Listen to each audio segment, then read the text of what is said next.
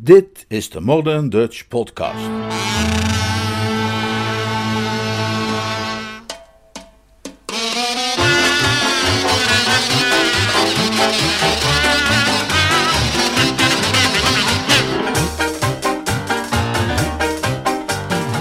Geluk in de morgen. Een splinternieuwe vertaling van Joy in the Morning. Een Jeeves-roman van P.G. Woodhouse.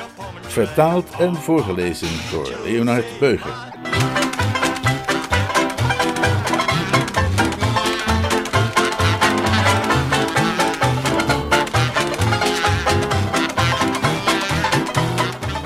Hoofdstuk 23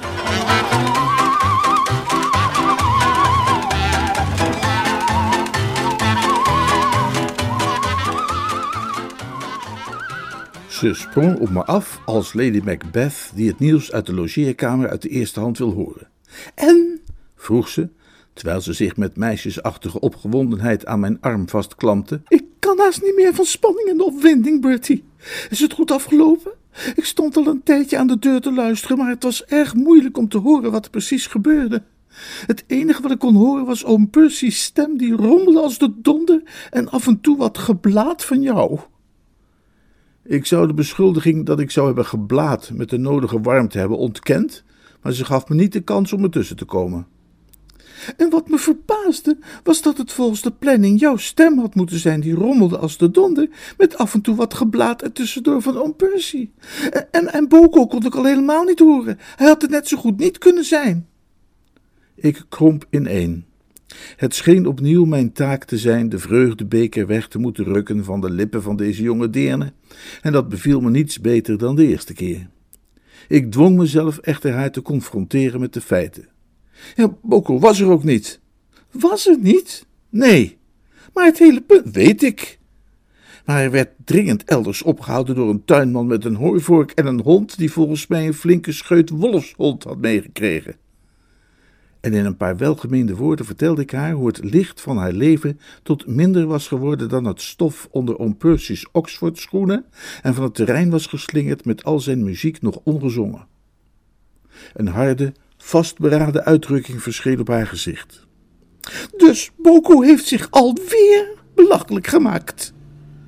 Dat hij zich belachelijk zou hebben gemaakt, zou ik deze keer niet willen beweren. Het lijkt me treffender hem aan te duiden als een machteloze prooi van het lot, vind je ook niet? Hij had opzij kunnen rollen. Niet zo gemakkelijk. Om Percy's voet beslaat een flinke lap grond. Daar leek ze de juistheid wel van in te zien. Haar gezichtsuitdrukking werd milder en ze vroeg of de arme schat gewond was geraakt. Ik woog mijn antwoord. Hmm, zijn fysieke verwondingen waren denk ik gering. Hij leek op eigen kracht te navigeren, maar geestelijk leek hij er minder goed aan toe. Het arme schaap, hij is zo gevoelig. Hoe zou je zeggen dat hij er nu bij oom Percy voor stond? Beroerd.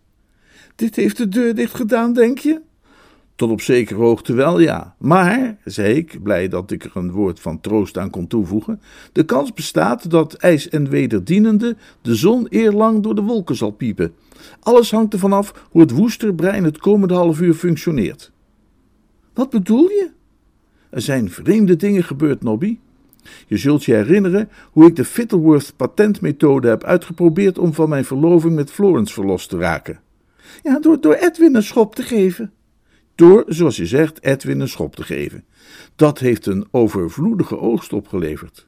Maar, maar je hebt mezelf verteld dat die methode juist helemaal niet had gewerkt. Nou, niet op de manier die ik had verwacht, maar het heeft een geweldig nevenproduct opgeleverd. Oom Percy heeft over mijn actie gehoord en is er dol enthousiast over. Blijkbaar wilde hij al jarenlang die kleine donderstraal zelf een fikse trap geven, maar Florence heeft altijd zijn voet weerhouden. Oh, dat heb ik nooit geweten. Hij heeft zich altijd in de plooi weten te houden, maar dat verlangen was er en het bereikte gisteravond een hoogtepunt toen Edwin hem besloop en met zijn verkennersstok afroste.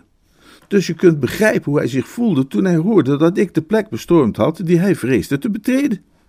Het bracht een omwenteling teweeg in zijn hele manier van kijken. Hij heeft me de hand geschud, me een sigaar gegeven, me een borrel opgedrongen en nu ben ik zijn vertrouwde vriend en adviseur. Hij vindt me geweldig. Ja, maar. Zei je iets? Nee, ik, ik wilde alleen maar zeggen dat het natuurlijk prachtig en geweldig en schitterend is. En dat ik hoop dat je heel, heel gelukkig zult zijn. Maar wat ik wil, is dat hij Boko geweldig vindt. Ja, daar kom ik op. Spreekt mijn bejaarde bloedverwant wel eens met je over zijn zaken? Oh, alleen om te zeggen dat ik hem nu niet lastig moet vallen omdat hij het druk heeft. Dus dan heb jij waarschijnlijk nog nooit gehoord van een Amerikaanse scheepsmagnaat genaamd J. Chichester Clem, met wie hij een geheime ontmoeting moet hebben om een belangrijke handelsovereenkomst te sluiten. Geheimzinnige commerciële toestanden. En hij heeft mij gevraagd een manier te bedenken om die ontmoeting te regelen. Als mij dat lukt, zit jij op fluweel. Hoe bedoel je dat nu weer? Nou ja, verdorie. Ik ben nu al zowat oom Percy's oogappel, en dat zal me nog appeliger maken. Hij zal mij niets kunnen weigeren. Ik ben dan helemaal in de juiste positie om zijn hart te doen smelten. Oh, deksels, ja, nu snap ik je. Eh, en, en om ervoor te zorgen dat Boko en jij op fluweel komen te zitten. En dan laat jij Florence die brief van mij zien en dan zit ik ook op fluweel. Maar Bertie, dit is te gek. Ja, de vooruitzichten zijn heel rooskleurig, mits. Mits wat? Nou ja, mits ik een manier kan bedenken om die geheime bijeenkomst voor elkaar te krijgen, waar ik op het moment van ter perse gaan absoluut nog geen mogelijkheid toe zie. Ah, er zijn miljoenen mogelijkheden. Nou, noem er eens drie.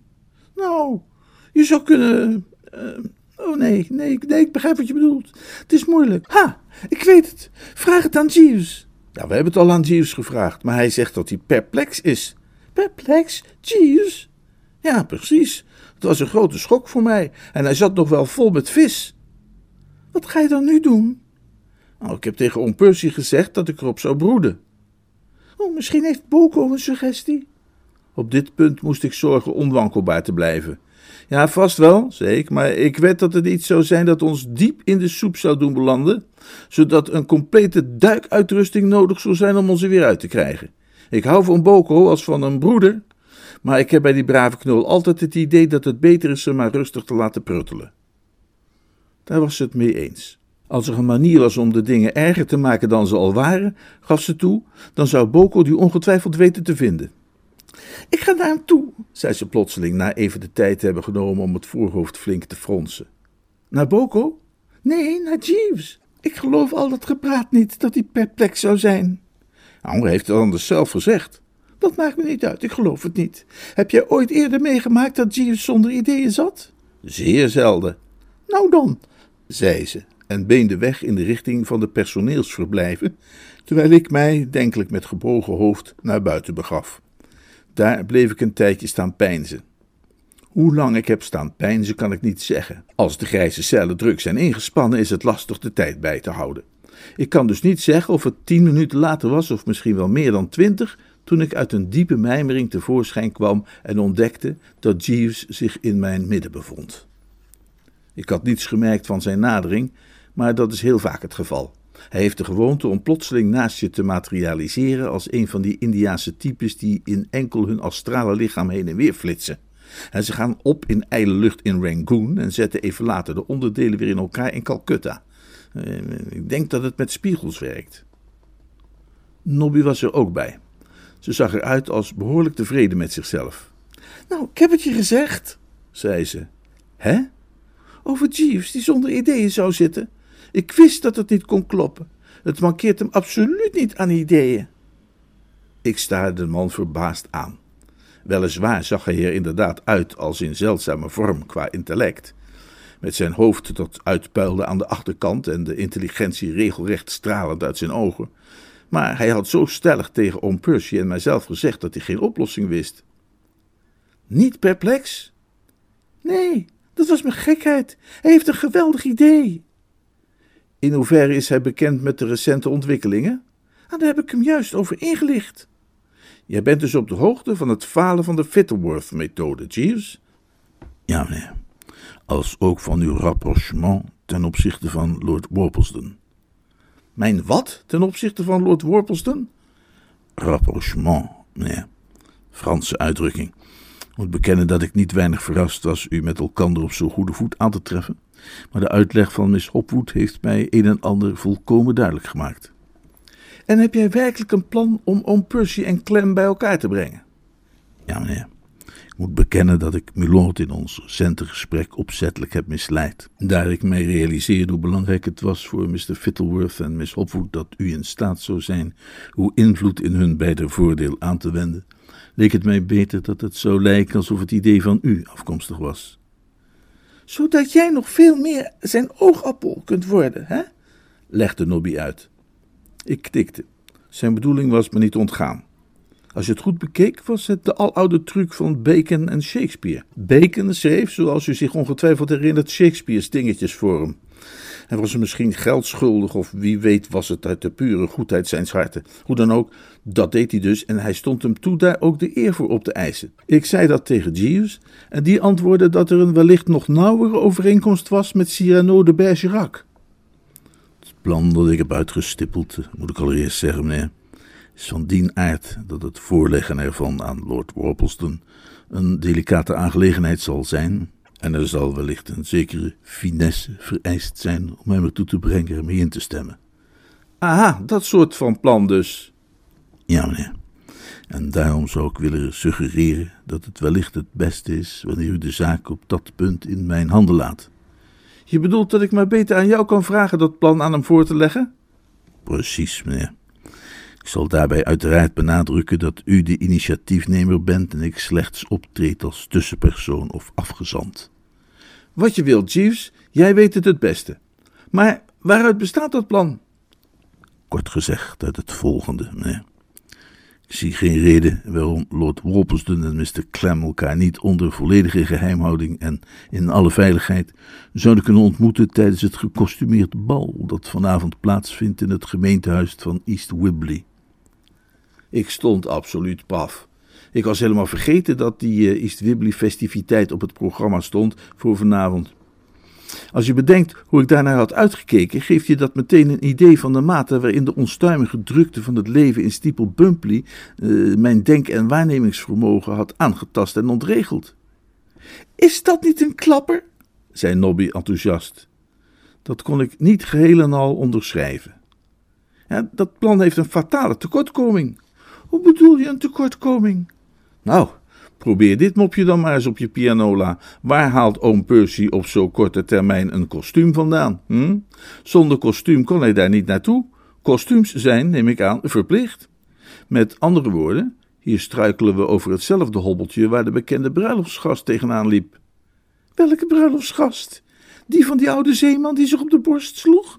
Nee, die kerel uit die eh, parabel. Die was uitgenodigd voor een bruiloft, maar verzuimd had zijn goede pak aan te trekken. En die eruit werd gezuurd, net als. Uh, ik stond op het punt te zeggen, net als Boko van het terrein van Bumpley Hall, maar ik hield dat voor me uit vrees dat het Nobby zou kunnen kwetsen. Maar ook zonder die toevoeging trof de meedogenloze logica van mijn woorden doel. Oh, deksels, dat is waar, verkleedkleren. Hoe lossen we dat op, Jeeves? Heel eenvoudig, mis. Vrees alleen, meneer, dat het noodzakelijk zal zijn dat u, Lord Wolpelsden, uw Sinbad de Zeeman kostuum uitleent. Ik slaakte een ontstelde kreet, als een kat aan wie wordt voorgesteld om afstand te doen van haar pasgeboren jonkies. Mijn god, nee, Jeeves! Ben bang van wel, meneer. Maar potverdrie, dat betekent dat ik niet naar het feest kan. Dat vrees ik inderdaad ook, meneer. Nou, waarom zou je naar dat snetfeest willen? vroeg Nobby. Ik beet op mijn onderlip. Meen je dat het absoluut noodzakelijk is, Jeeves? denk even goed na. Essentieel, meneer.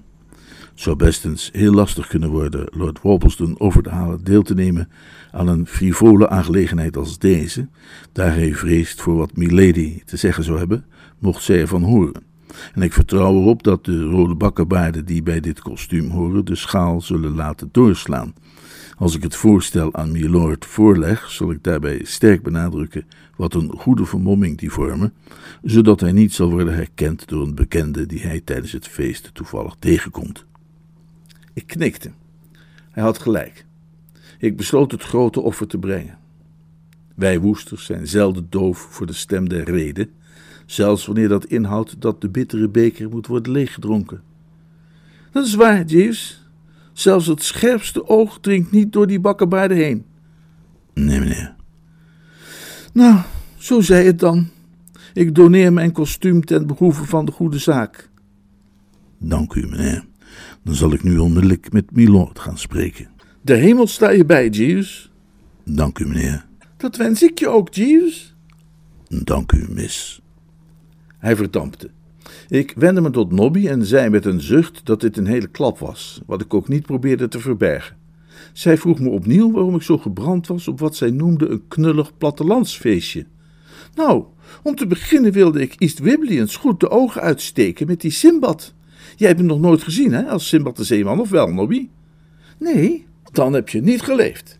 Maar, ging ik verder, er is nog een ander aspect waarvan ik wilde dat ik eraan gedacht had voordat Jeeves er vandoor ging, want ik zou daar graag zijn mening over hebben gehoord. Als oom Percy tijdens die orgie met Chichester Clem spreekt en alles gaat goed, dan zal hij daarna natuurlijk in een toegefelijke bui zijn. Maar het punt is, houden zulke toegefelijke stemmingen stand?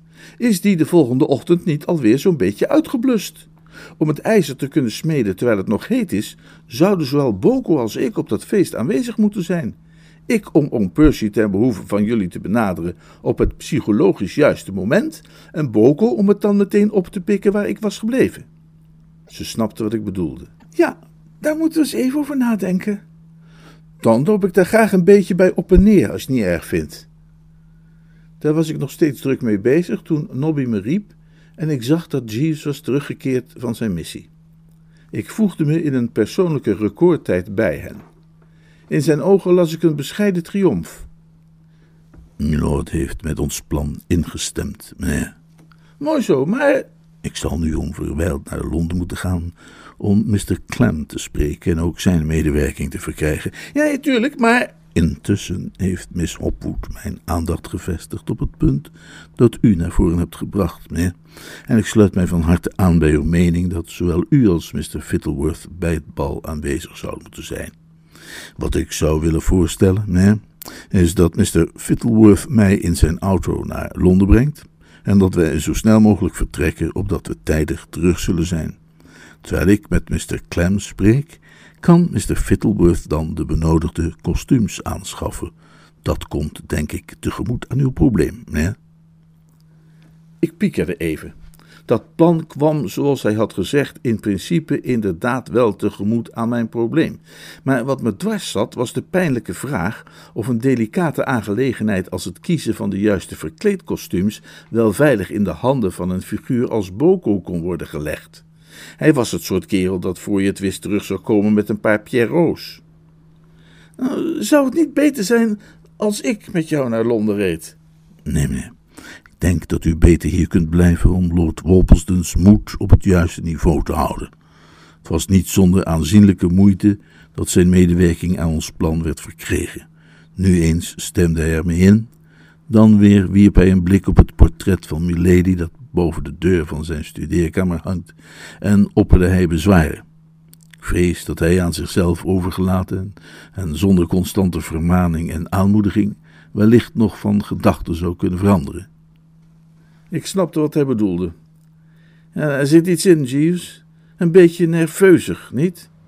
In hoge mate, meneer. Ik kon het die oude heer niet kwalijk nemen.